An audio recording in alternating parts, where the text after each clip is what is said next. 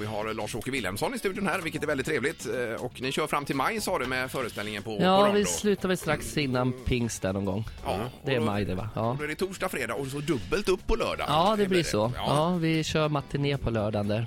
Kommer du förmodligen prata göteborgska i slutet här. Ja, jag har, jag pluggar Karl och Ada historia, men det, det visste ni inte vad det var tydligen. Jo då, det vet alla vad det är. Ja. Jo då.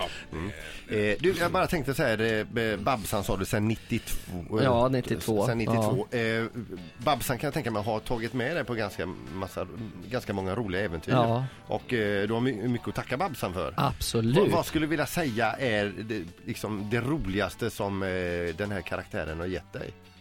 Eh, ja, men roligast, nej men det är alla möten med olika kändisar kanske, när jag hade det här TV3-programmet och med Babbla med Babsan. Men, men sen är det ju sådana mycket liksom möten när man bara är ute och jobbar och möter folk.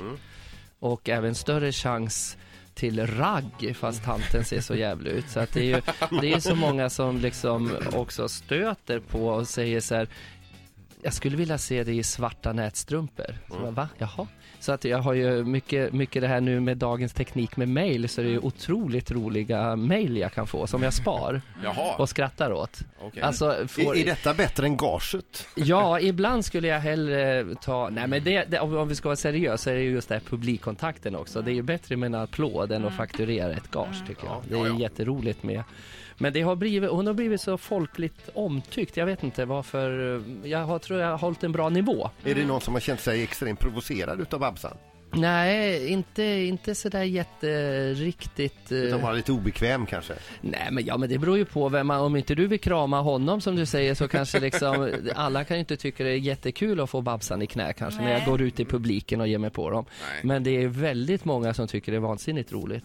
Men när blir du Babsan? När du börjar då sminka dig, Ja. du är Lars-Åke. När känner du att liksom Babsan tar över din kropp? Har du... Ja men det, det är liksom när ögonen börjar få kajalen på plats och så när läppstiftet kommer på och så där, då är det, men då har jag ju fortfarande håret men alltså så fort du drar på det peruken då, då är det liksom, när den kommer på sig då, oh, då är det, då och är då det klart tänker liksom. du som Babsan? Ja, då och... blir det liksom en helt För det är annan ju som kropps... energi alltså Ja. när, när du väl, eh, när du står där va? Ja, det, är, det säger chefen Lindarw också att det är ju, jag liksom får någon sorts kick. Det blir, det är mina alla bokstavskombinationer som kommer då. Ja, på en gång ja. Ja. Legitimt. Det är liksom AD, after dag, ADHD, det, det är hela bokstavs, Ja. det är hela alfabetet på Ja. mig då, Just när jag är Babsan. ja.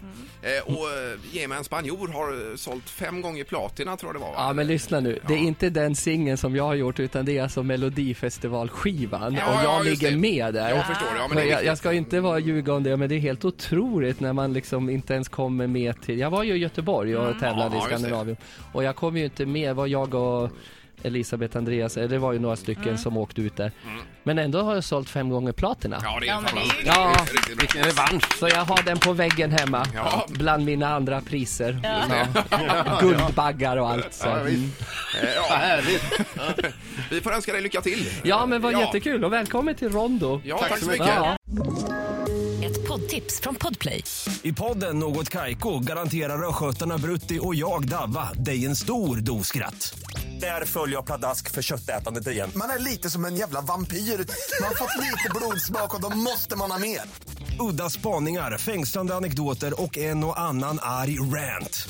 Jag måste ha mitt kaffe på morgonen för annars är jag ingen trevlig människa. Då är du ingen trevlig människa, punkt. Något Kaiko, hör du på Podplay. Därför är gardinerna.